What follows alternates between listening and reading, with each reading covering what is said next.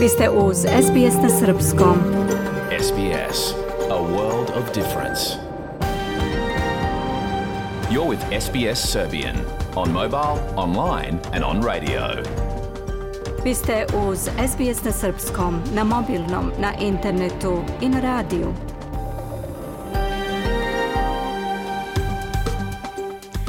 SBS odaje priznanje tradicionalnim vlasnicima zemlje sa koje danas emitujemo program na srpskom. Ovim izražavamo poštovanje prema narodu Ranger i Vojvurung, pripadnicima nacije Kulin i njihovim prošlim i sadašnjim starešinama. Također odajemo priznanje tradicionalnim vlasnicima zemlje iza svih aboriđinskih naroda i naroda sa ostrava i Storesog Moreuza, sa čije zemlje slušate program. Dobar dan. Danas je ponedeljak, 2. oktobar 275. dan 2023. Do kraja godine ima 90 dana. Ja sam Biljana Ristić. U današnjem programu, posle pregleda vesti, Branko Cvetojević donosi opširan sportski izveštaj. Zoran Subić izveštaj sa Australijskog klubskog prvenstva u Košarci za dečake i devojčice ispod 14 godina starosti koje se održavalo u Melbourneu. Nedelju dana je prošlo od verovatno najtežeg sukoba na Kosovo od 2008. Mija Nikolić više u razvoju događaja. U Srbiji je prošle sedmice predstavljen novi saziv poslovnog savjeta Dijaspore. Izvešta je poslao Hranislav Nikolić. A Milica Delibašić se javlja iz Podgorice. Crnogorska vlada i dalje čeka na formiranje, iako su izbori održani početkom juna. Ostanite sa nama do 16 časova, sledi pregled vesti.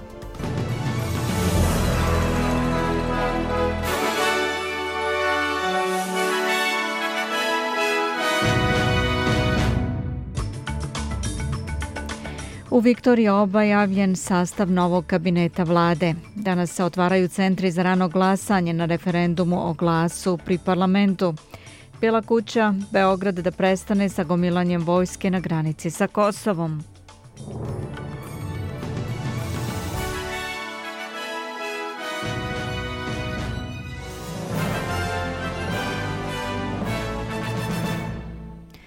U Viktoriji je objavljen sastav novog kabineta vlade sa izmenama u portfeljima transporta, obrazovanja, stambenih pitanja, brige o deci i zapošljavanja. Novo imenovana premijerka Jacinta Alan najavila je i novo ministarstvo oči ponovnog zasedanja parlamenta u utorak. Zamenik gospođe Alan Ben Carroll postaće ministar za obrazovanje i medicinska istraživanja. Tim Palas ostaće na mestu državnog blagajnika. Njegov pomoćnik Danny Pearson će od sada također preuzeti i dosadašnji portfelj gospođe Alan za transport i infrastrukturu. Zamena za gospodina Carola na mestu ministra javnog saobraćaja biće Gabriel Williams, dok Natalie Hitchins menja portfolio obrazovanja za portfolije zapošljavanja, pitanja žena i vraća se na portfelj rada na sporazumu sa prvim nacijama u državi. Ministar za stambena pitanja Colin Brooks imenovan je za ministra za razvoj Viktorije okruga i za kreativne industrije. Senatorka iz redova laburista Malandiri McCarthy kaže da i dalje uverena da će Australijanci glasati sa da na predstojećem referendumu glas autohtonih naroda pri parlamentu. Izjava dolazi danas kada počinje i rano glasanje, a samo dve nedelje pre referenduma. Danas se otvaraju centri za rano glasanje u Viktoriji, Zapadnoj Australiji, Tasmaniji i Severnoj teritoriji. Za preostale države koje danas imaju državni praznik, rano glasanje počinje 3. oktobra. Gospođa McCarthy rekla je za Kanal 9 da vidi značajnu podršku za glas pri parlamentu.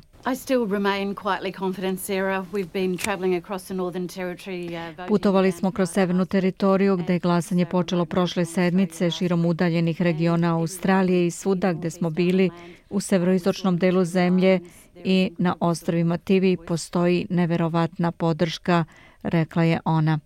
Premijer Antoni Albanizi također je optimista u pogledu velikog broja neodlučnih birača koji iskazuju podršku glasu.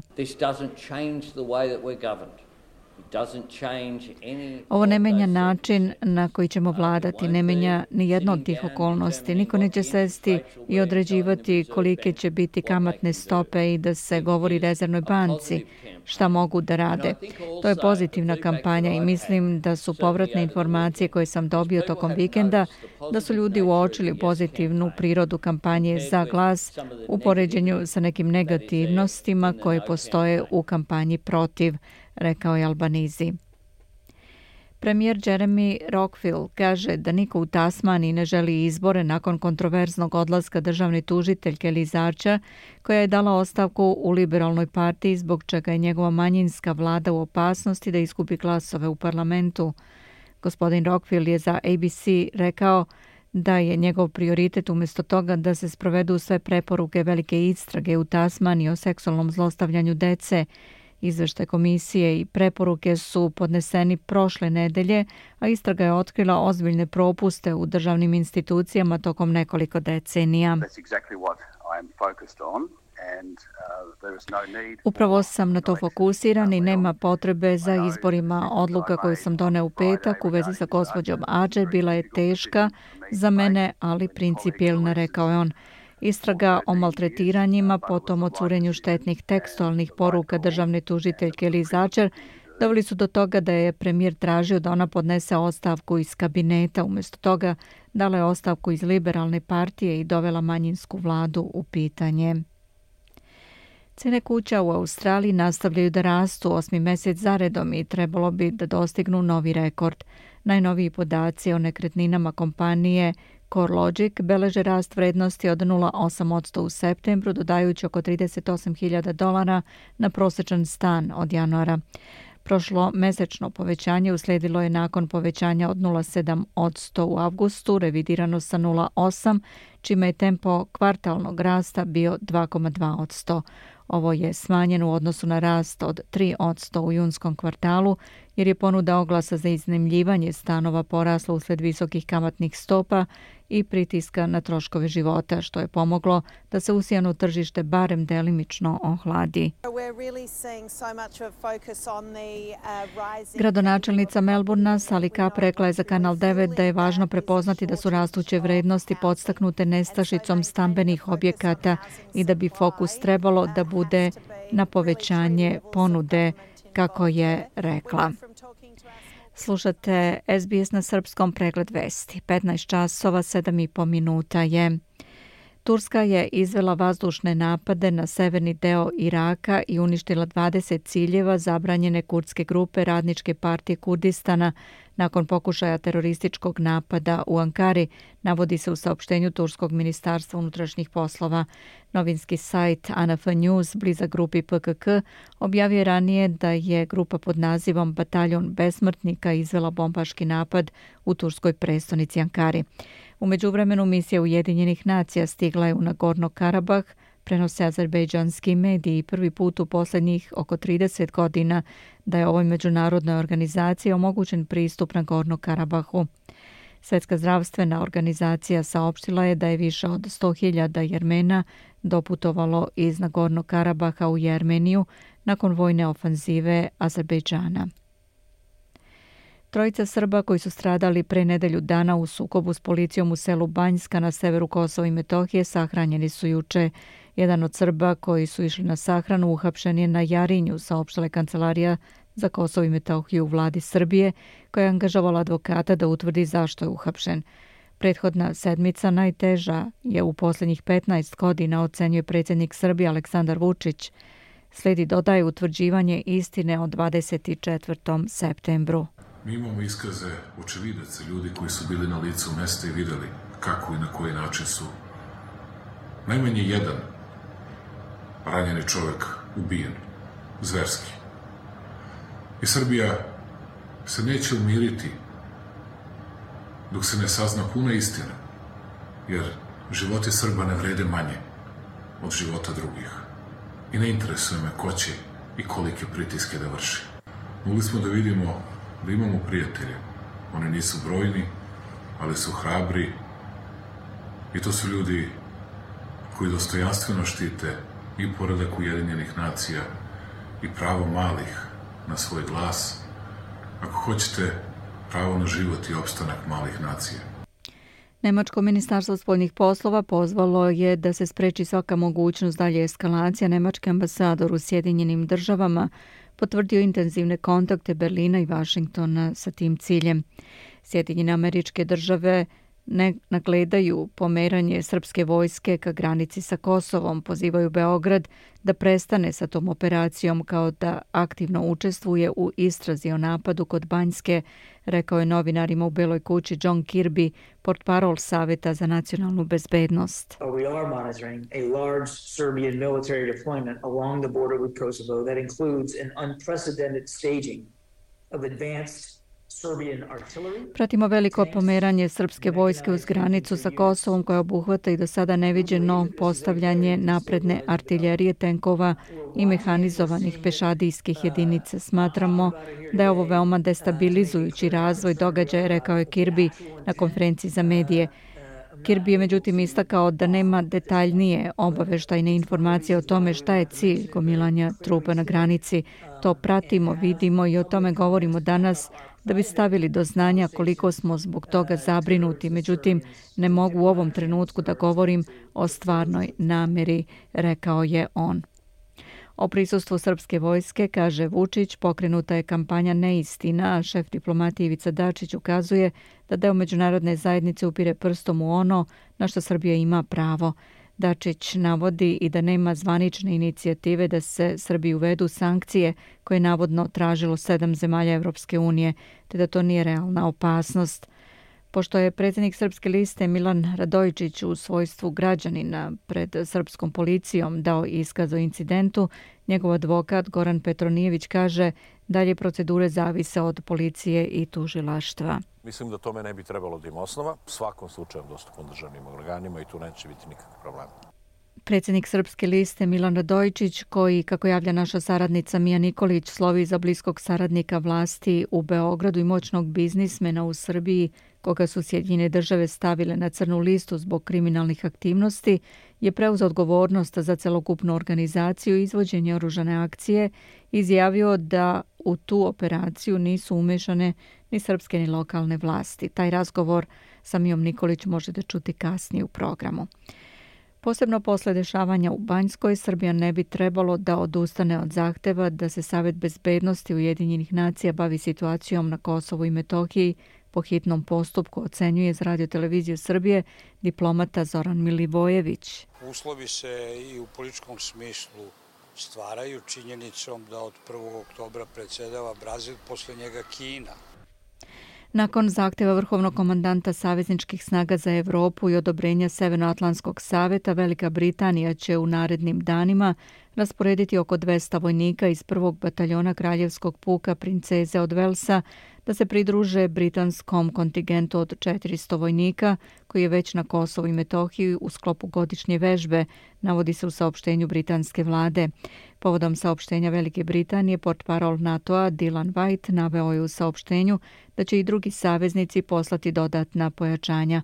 Ovo je obazriv korak da se osigura da KFOR ima snagu i sposobnost koje su mu potrebni da ispuni svoj mandat Ujedinjenih nacija, da održi bezbedno okruženje i slobodu kretanja za sve ljude na Kosovu i Metohiji, naveo je White.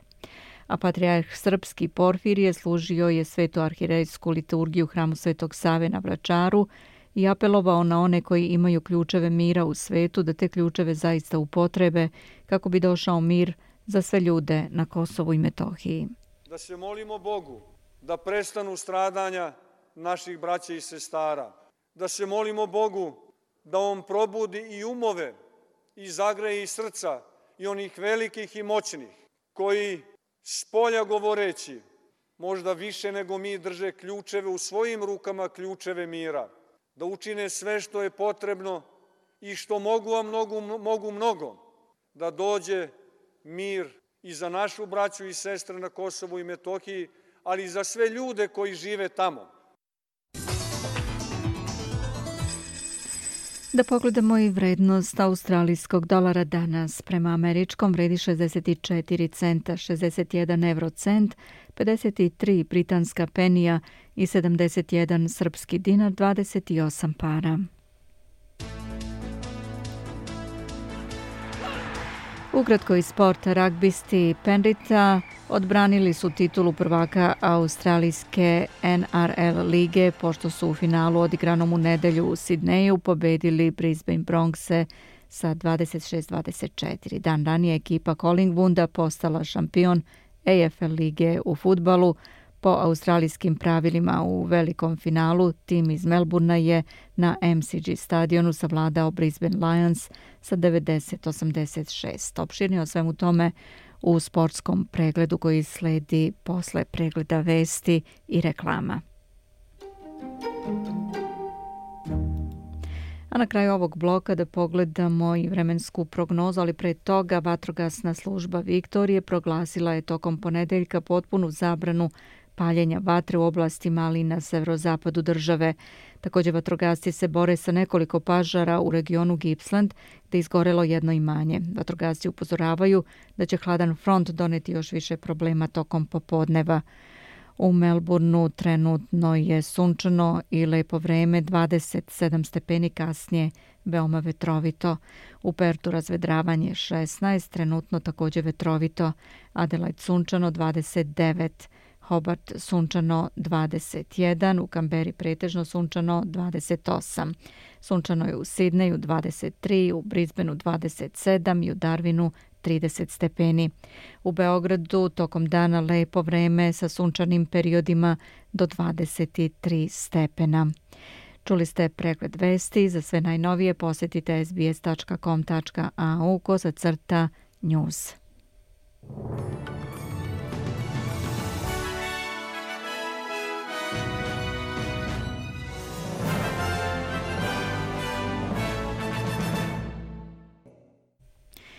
Vi slušate SBS na srpskom. Ja sam Biljana Ristić. Tačno je 15 časova, 18 i po minuta.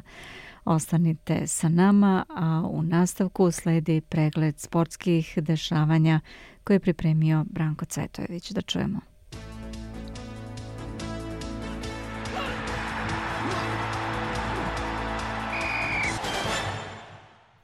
Ragbisti Penrita odbranili su titulu prvaka australijske NRL lige pošto su u finalu odigranom u Sidneju pobedili Brisbane Broncose sa 26-24.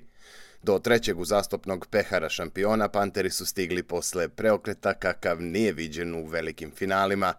Sve do 18 minuta pred kraj ekipa Brisbanea je vodila sa velikih 24-8, a tada je na scenu stupio najbolji igrač Penrita Nathan Cleary – Najpre je omogućio Mozesu Lioti i Stevenu Krajtonu da postignu po jedan traj, da bi tri minuta pre kraja meča i sam upisao jedan pogodak i doneo pobedu svom timu. Cleary je za izvanrednu partiju nagrađen i medaljom Cliva Churchilla koja se dodeljuje najboljem igraču velikog finala NRL. Ovo je 25-godišnjem ragbisti drugi put u karijeri da je dobio ovo priznanje. Ekipa Collingwooda je novi šampion EFL lige u futbalu po australijskim pravilima. U velikom finalu tim iz Melburna je na MCG stadionu savladao Brisbane Lions sa 90-86 i osvojio svoju 16. titulu prvaka u klubskoj istoriji. Collingwood je time izjednačio rekord po broju osvojenih šampionata koji su do sada držali gradski rivali Essendon i Carlton – Bila je to prva titula za Svrake posle 2010. godine i dva poraza u finalima 2011. i 2018. Velikom finalu EFL-a prisustvovalo je rekordnih 100.024 gledaoca. U Melbourneu je proteklog vikenda odigran 34. Karadžorđev kup u futbalu. Triumfovale su ekipe Springvale Belih Orlova u muškoj i Westgate Sinđelić u ženskoj konkurenciji. U finalu muškog turnira Orlovi su slavili protiv prošlogodišnjih šampiona Melbourne Srbije ubedljivim rezultatom 3-0. Kod dama futbalerke Sinđelića su u finalu pobedile Drinu sa 2-0 i tako treći put zaredom osvojile pehar Karadžorđevog kupa. Ove godine su na najvećoj sportskoj smotri srpske zajednice u Australiji odigrani turniri u konkurenciji veterana i mlađih selekcija. Trofej su kod veterana osvojili domaćini, ekipa Casey Kings Krajine, koja je bila najbolja i u konkurenciji juniora do 11 godina. U takmičenju timova za igrače do 12 godina titula je pripala Westgate Sinđeliću. Srpski teniser Hamad Međedović plasirao se u polufinale ATP turnira u Astani pošto je sa 2-0 u setovima pobedio Čeha Jiržija Lehečku. Međedović je tako nastavio seriju odličnih rezultata, a u polufinalu će igrati protiv petog nosioca Sebastijana Korde iz Sjedinjenih država, koji je savladao prvog favorita turnira Talona Grigspora iz Holandije. U drugom polufinalu igraće Francuz Adrian Manarino i Austrijanac Sebastian Ofner. Međedović je pre turnira u Kazahstanu bio 120. igrač na ATP listi, dok je Lehečka bio na 29. poziciji. 20-godišnjak iz Novog pazara je plasmanom u polufinale Astane obezbedio sebi napredak od najmanje 15 mesta na ATP listi. Za to vreme u Pekingu drugi teniser sveta Carlos Alcaraz plasirao se u četvrt finale turnira iz serije 500. Mladi Španac je bez većih problema savladao Italijana Lorenza Musetija 6-2, 6-2 i u narednoj rundi igraće protiv Kaspera Ruda, koji je savladao Argentinca Echeverija sa 2-1 u setovima. Plasman u četvrt finale obezbedio je i Janik Siner koji će igrati protiv Bugarina Grigora Dimitrova. U preostalim mečevima četvrt finala sastaju se Zverev Hari i Medvedev Amber. Futbaleri Partizana preuzeli su vodeću poziciju na tabeli Srpske Superlige pošto su utakmici osmo kola kao gosti pobedili napredak u Kruševcu sa 2-0. Crnobeli su tako iskoristili remi TSC-a protiv mladosti u Lučanima 1-1 i prestigli ih na prvo mestu. Aktuelni šampion Crvena zvezda zabeležila je pobedu protiv radničkog iz Niša rezultatom 1-0. Crveno-beli se nalaze na trećem mestu na tabeli sa 18 bodova. U ostalim mečevima osmog kola Superlige postignuti su sledeći rezultati.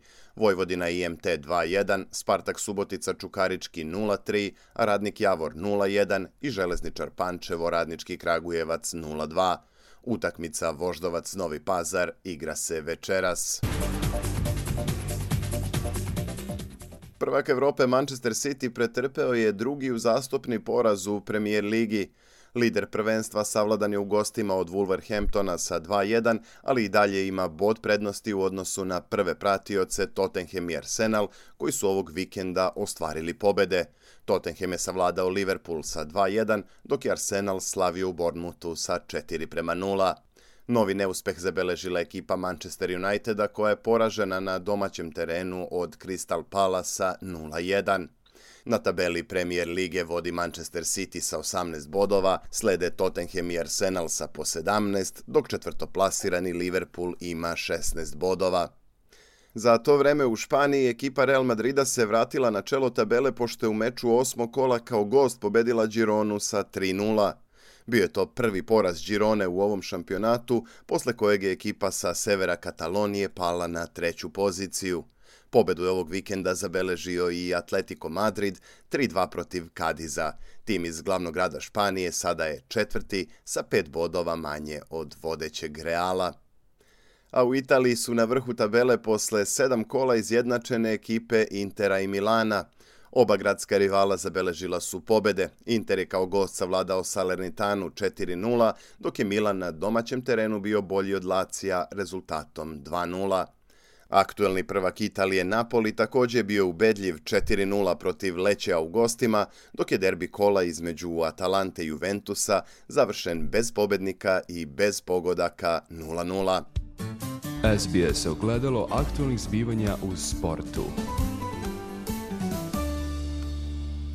A u Melbourneu su se protekle sedmice iz čitave Australije takmičili najbolji košarkaški timovi dečaka i devojčica ispod 14 godina na australijskom klubskom prvenstvu. Na velikom finalu je bilo preko 2000 posetilaca, a za jedan od timova igrao i košarkaš srpskog porekla Stevan Tasić. Da čujemo izveštaj koji je pripremio Zoran Subić. Vi ste uz SBS na Srpskom. U Melbourneu je protekle sedmice održano australijsko klubsko prvenstvo u košarci za dečake i devojčice ispod 14 godina starosti. Nastupili su najbolji timovi u tom uzrastu sa timovima iz čitave Australije. Tokom nedelje, svakodnevno, Na stadionu u Casey košarkaškom centru slivalo se hiljade posetilaca iz Viktorije i iz čitave Australije. Atmosfera je bila izuzetna.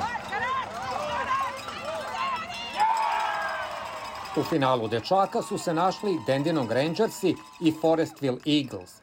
Dendinog je ubedljivom pobedom osvojio titulu prvaka Australije sa 78 prema 35. U takmičenju devojčica u velikom finalu su se sastali Killside Cobras i Ilavara Hawks.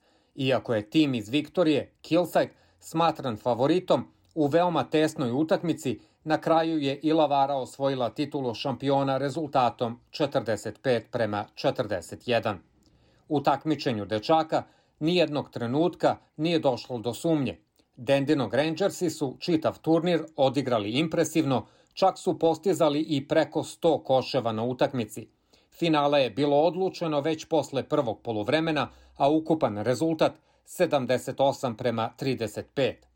Za Dendinog Rangerse nastupa i košarkaš srpskog porekla Stevan Tasić, igra na poziciji centra i u finalu je bio dominantan ispod obruča u skokovima, defanzivno, ali i ofanzivno, sa postignutih 16 koševa. Nakon utakmice čuli smo prve utiske njegove majke. Sada majke šampiona Australije. Super, fantastično, Pre, baš smo ponosni, sve, sve super. Cijeli turnir su bili fantastični, nijednu utakmicu nisu izgubili, super su bili. Da, bili su dominantni čitavog turnira, Čitav preko 100 turnir. poena su postizali. Da, jesu, jesu. Tako da ovo finale nije ni došlo u pitanje. Da. super su bili, nemam, nemam reči, baš je bilo fantastično. Sada možete da kažete da ste majka šampiona jesmo, Australije. Jesmo, jesmo, ljubi majka, jesmo. Hvala puno. Hvala. Selekcija dečaka ispod 14 godina starosti iz Dendinog Rangersa je ove godine dominirala na košarkaškoj sceni, jer su osvojili zlatne medalje na sva tri najprestižnija takmičenja u njihovoj starostnoj grupi. National Junior Classic, Victorian Championship i sada Australijsko klubsko prvenstvo. Odmah nakon velikog finala i velike pobede Rangersa čuli smo izjavu Temi Harvey, direktorke trenerske struke mladih selekcija. Bili su fantastični čitave nedelje, ovaj tim. Držali su se zajedno. Čitave godine nisu bili pobeđeni, a trenersko osoblje je bilo izuzetno. Ne možemo biti ponosniji na njih. Thank you, Tammy. What's the future for the Indian Rangers? Well, the future's looking really bright. We've had a fantastic year this year. We had um, four of our Budućnost izgleda svetla. Imali smo ove godine fantastičnu godinu. Četiri tima su osvojili titulu u viktorijskom prvenstvu. Četiri druga tima su bila na National Junior much. Iako su ovo mlađe selekcije, odatle potiču budući reprezentativci i olimpijci. Na velikom finalu je bilo preko 2000 posetilaca. Popularnost košarke u Australiji je u usponu, a Viktorija ima jedan od najboljih programa u Australiji – što pokazuju i rezultati viktorijskih timova.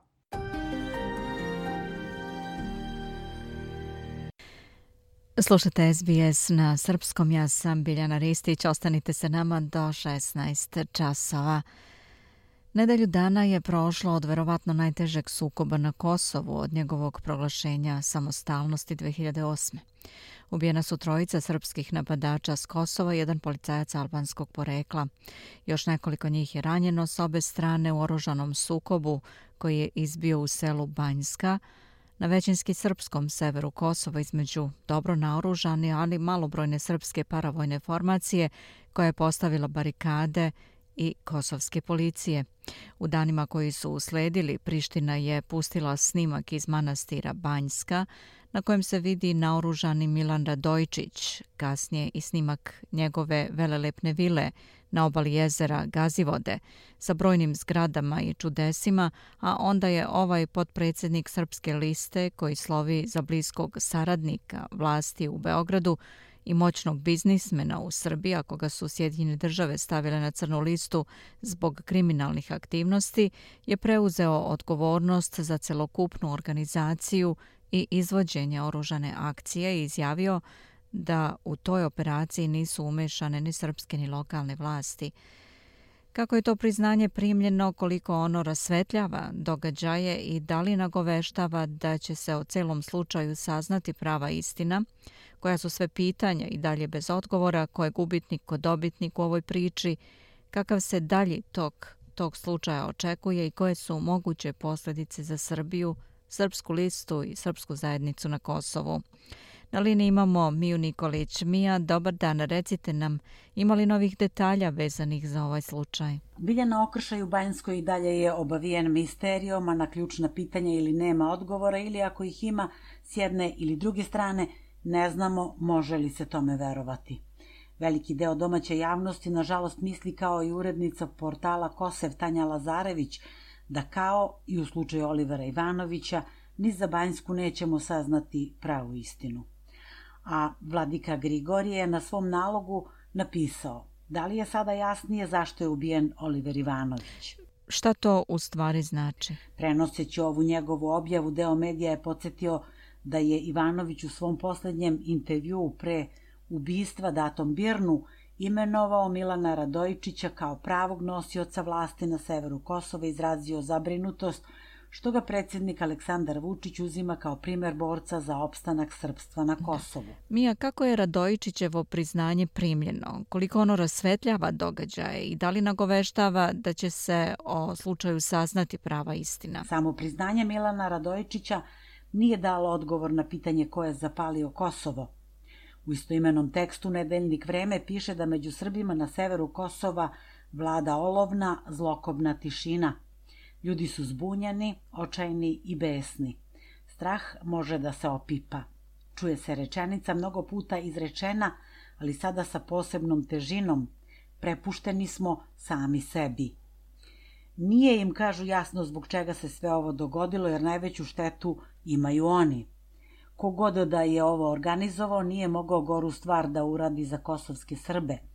Mi sa severa nismo samo u defanzivi, već smo bačeni stotine metara unazad, govore žitelji Severne Mitrovice.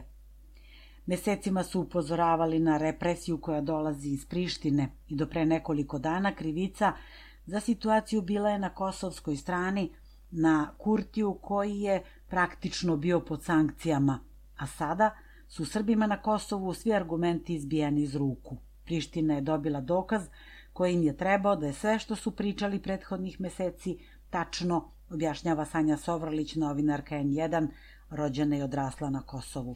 Također mi je kako je primljena Radojičićeva tvrdnja da je sam sve organizovao? Tvrdnja Milana Radojičića da je sve logističke pripreme za odbranu srpskog naroda obavio sam lično i bez ikakve pomoći vlasti u Beogradu i lokalnih struktura. Po oceni jednih je bukvalno jedini izlaz. Drugi ga vide kao novog Karadžorđa, dok treći tvrde da njegovo priznanje ne stavlja tačku, već otvara i brojna druga pitanja događaje u Banjskoj koji su dramatično ugrozili evropsku budućnost Srbije, njen spoljno-politički kredibilitet, a iznad svega budućnost i bezbednost Srba na Kosovu, a posebno na severu. Na kraju, šta kažu analitičari? Dušan Janjić iz Foruma za etničke odnose kaže da je jasno da je ta neuspela trapava akcija u Banjskoj presretnuta, da su ti ljudi navučeni kao Wagner da krene na Moskvu, da je jasan rukopis, ali nije jasno koji je odnos Rusije i Amerike ispod žita u ovoj igri, ali da očigledno postoji. Kaže da je ova grupa imala naoružanje za 400 osoba, da su očekivali priključivanje ljudi koje je trebalo da mobiliše srpska lista ili civilna zaštita. To je na kraju moglo da ide do 5000 ljudi i da je uspelo u ovim uslovima bi to bio problem, ističe Janjić koji sumnja da je KFOR presreo Radojičićevu akciju, da je potom reakciju prepustio KPS-u, ali da je na kraju on, KFOR, omogućio izvlačenje dvadesetak srpskih gerilaca uz šest ranjenika kroz šumu prema Srbiji u smeru Kopaonika, gde Radojičić ima kuće i hotele. Ključnim smatra pitanje od koga su tačno dobijali naredbe. Navodi da predsednik Vučić nikada ne izdaje takve naredbe. To koordinira neko izbija ili iz žandarmerije, možda Vulin. Janjić odbacuje mogućnost da Vučić nije znao za plan i kaže da je on bio relativno obavešten, ali ne potpuno. Političarka sa Kosova i Metohije Rada Trajković kaže da su Radojičić i njegovi nadređeni pomogli ovom akcijom Kurtiju da se on rehabilituje pred međunarodnom zajednicom, jer ga je Zapad do 24. oktobra doživljavao kao problem. Dodaje da Srpska lista nije napravila otklon od svog podpredsednika Milana Radojičića, koji bi njima stvorio mogućnost da prežive na političkoj sceni Kosova, a ova stranka nije pružila šansu ni Srbima na Kosovu da se ograde od Radojičića i njegovih saradnika. Trajković kaže da su Milan Radojičić i njegov kum Zvonko Veselinović imali veoma važnu ulogu u kadrovskim rešenjima ubija i voa Srbije. Oni su postavljali kadrove odgovorne ne samo za prostor Kosova i Metohije, već i u ostatku Srbije. Ona navodi da srpska lista realno nikada nije imala podršku srpskog naroda na Kosovu, a jedno nedavno istraživanje pokazalo je da se kosovski Srbi sa severa jednako plaše Kurtijevih specijalaca, kao nažalost i nekih predstavnika Srba koji diriguju njihovim životima, rekla je Trajković. Na pitanje šta će biti sa srpskom listom s obzirom na učešće njenog podpredsednika Milana Radojičića u ovom oružanom sukobu, Trajković kaže da će to zavisiti od odnosa države Srbije prema Radojičiću, koji se upadom na sever Kosova eksponirao kao predstavnik terorističke organizacije. Bilo bi veoma pogubno po srpski narod na Kosovo i Metohiji i državu Srbiju ako bi srpska lista politički preživela. Ukoliko Beograd ne bude efikasno sankcionisao Radojičića, sudbina srpske liste i Vučićeve vlasti biće zapečaćena, kaže ona. Dodaje da sudbina kosovskih Srba koji i finansijski zavise od Beograda u ovom trenutku najviše je u rukama Aleksandra Vučića. Sve što se sada dešava na severu Kosova je pod najstrožom kontrolom međunarodnih faktora i zato verujem da oni neće dozvoliti da se situacija pogorša. Verujem da će biti formirana zajednica srpskih opština i da srpski narod neće biti primoran da napusti Kosovo, izjavila je Rada Trajković. Studio. Toliko za danas. Hvala. Bila je to naša saradnica iz Srbije, Mija Nikolić. Ostanite sa nama.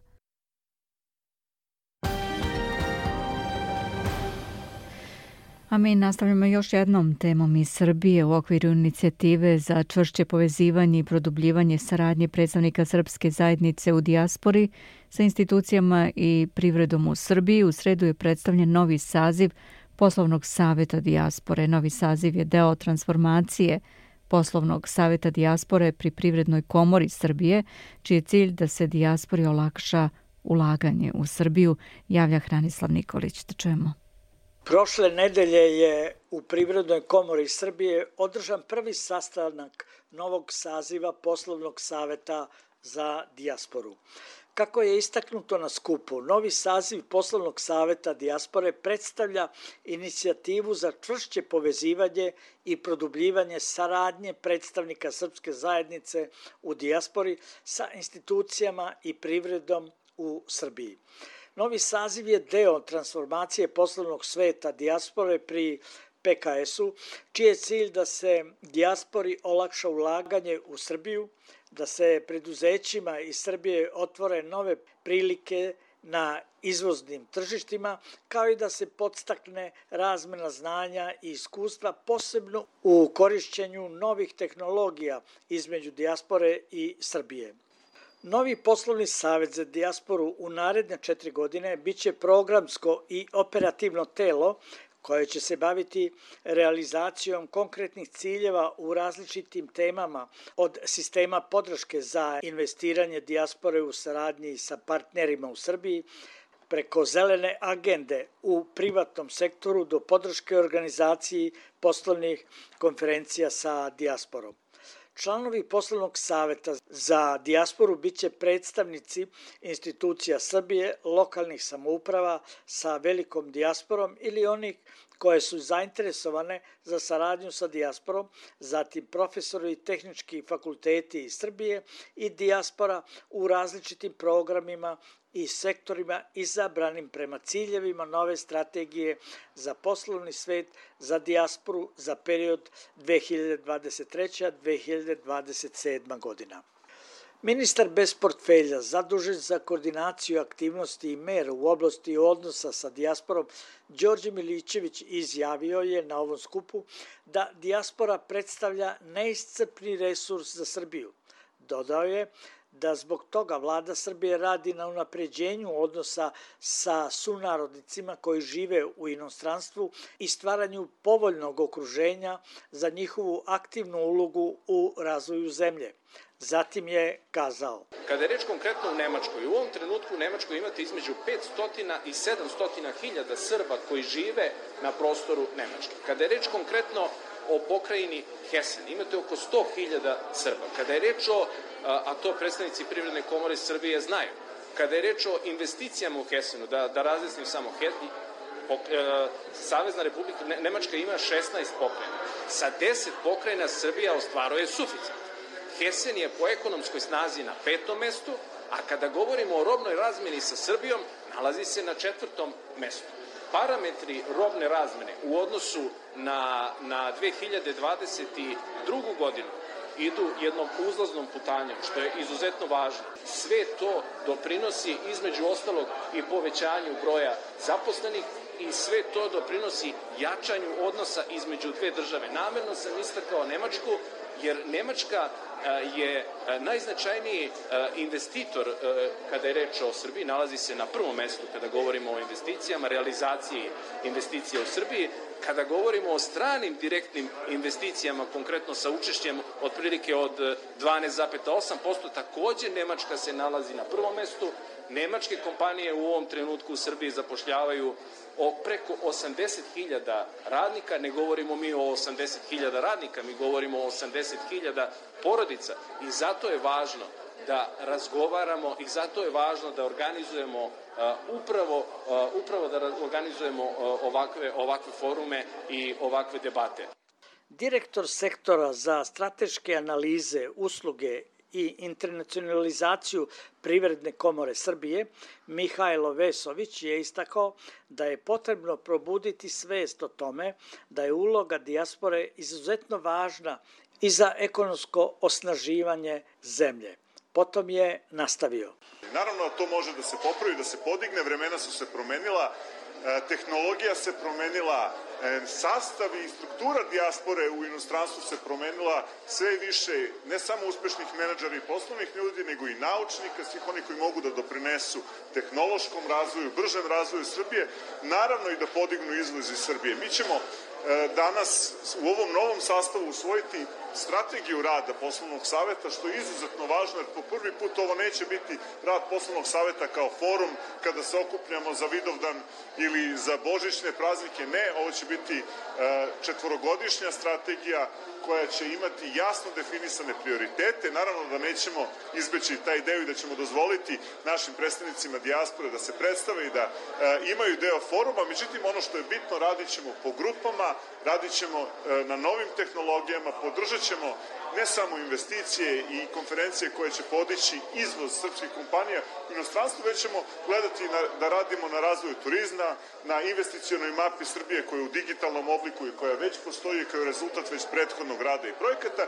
Imaćemo ono iskustvo iz prethodnih 20 i nešto godina, ali ćemo gledati da radimo strukturirano, fokusiran i da imamo rezultate i nadam se da će sledeći e, sastanak, a to će biti krajem godine, baš upravo pred Božić, e, poslovnog saveta, u stvari biti e, trenutak kada ćemo sumirati šta smo radili u ova tri meseca, šta je ova strategija doprinela i šta nam naravno nedostaje da bismo imali bolje rezultate.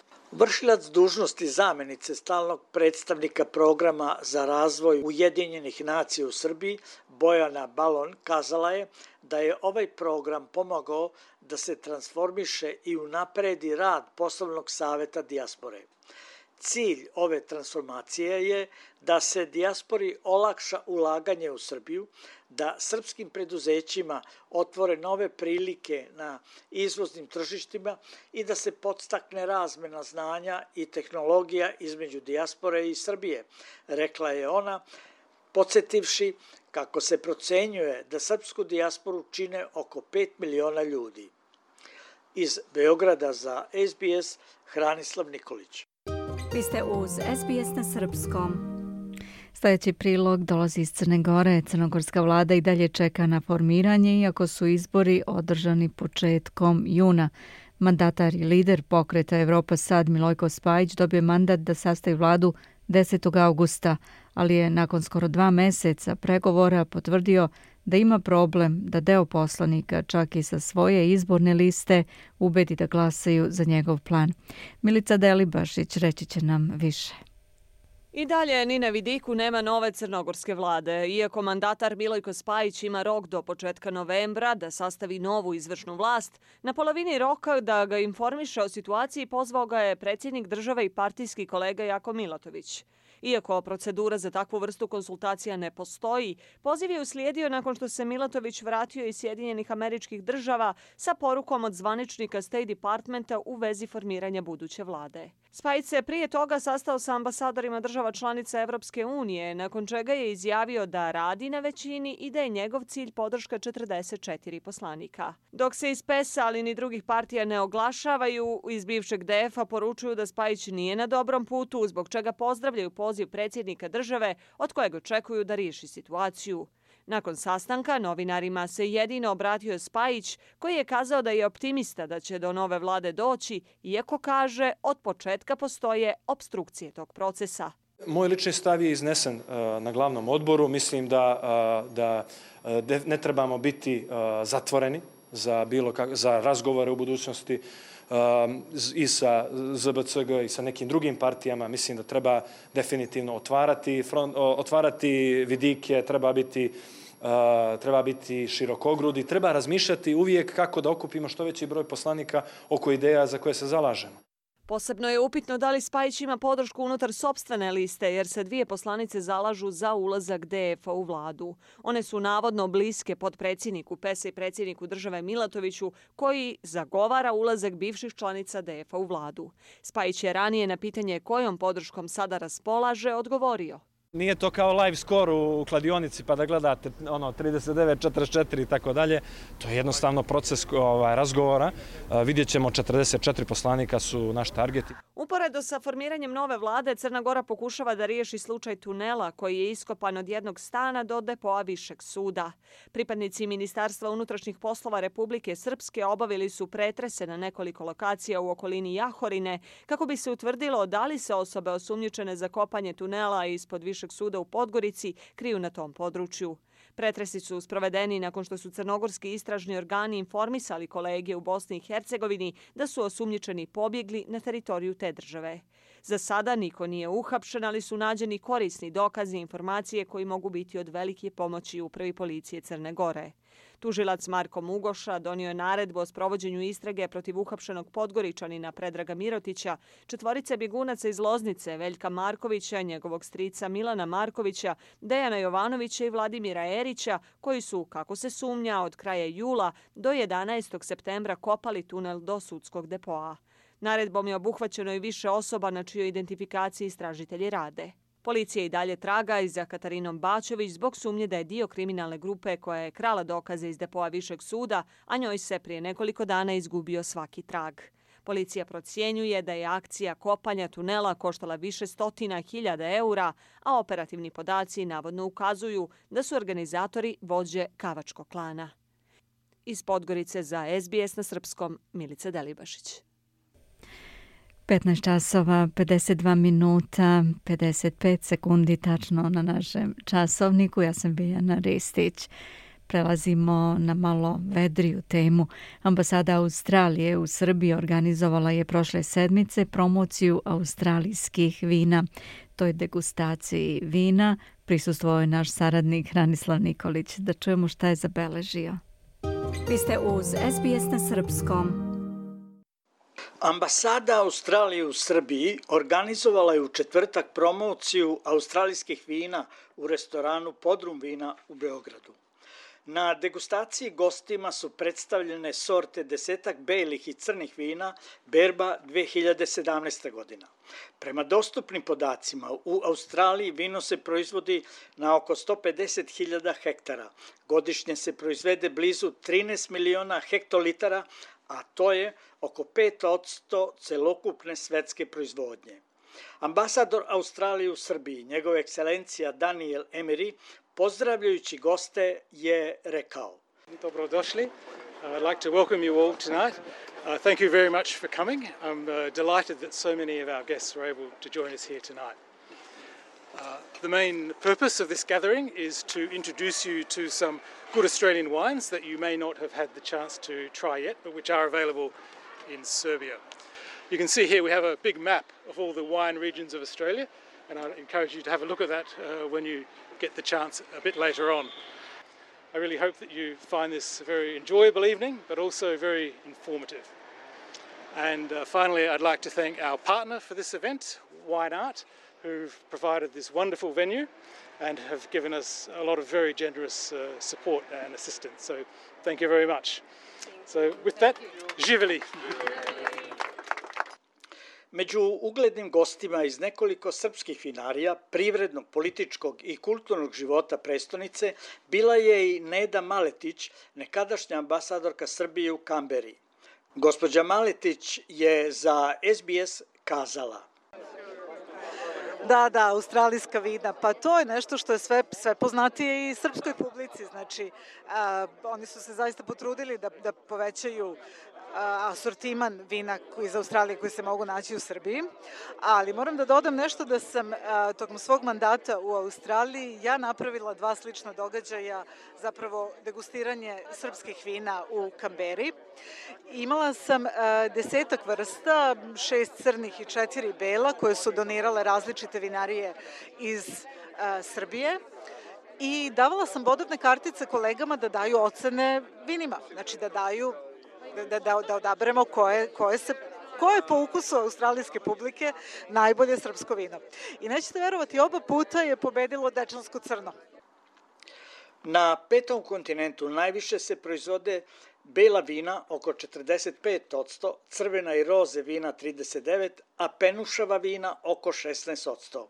Australija godišnje izveze oko 7,5 miliona hektolitara, a izvozi u 116 zemalja, pa i u Srbiju. Godišnja vrednost izvoza iznosi oko milijardu i po evra. Pet najvećih svetskih izvoznika vina su Španija, Italija, Francuska, Čile i Australija. Iz Beograda za SBS Hranislav Nikolić. Želite da čujete još priča poput ove?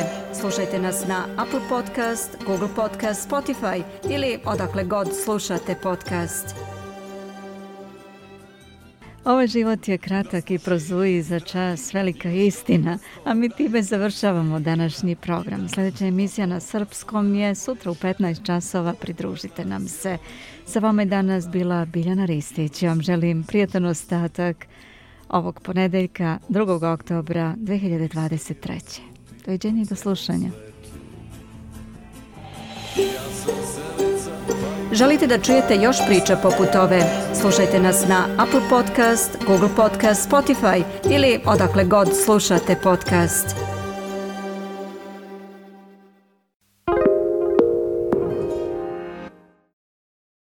SBS is Australia's most trusted multilingual broadcaster. Our listeners are loyal, highly engaged, and have supported countless local businesses. We offer advertising packages for businesses of all sizes. Our experienced sales team will guide you through the process of owning a great campaign. Bring your own ad or have our production team make you something in one of our 68 languages. Start the conversation with your new audience today. Email sales at sbs.com.au.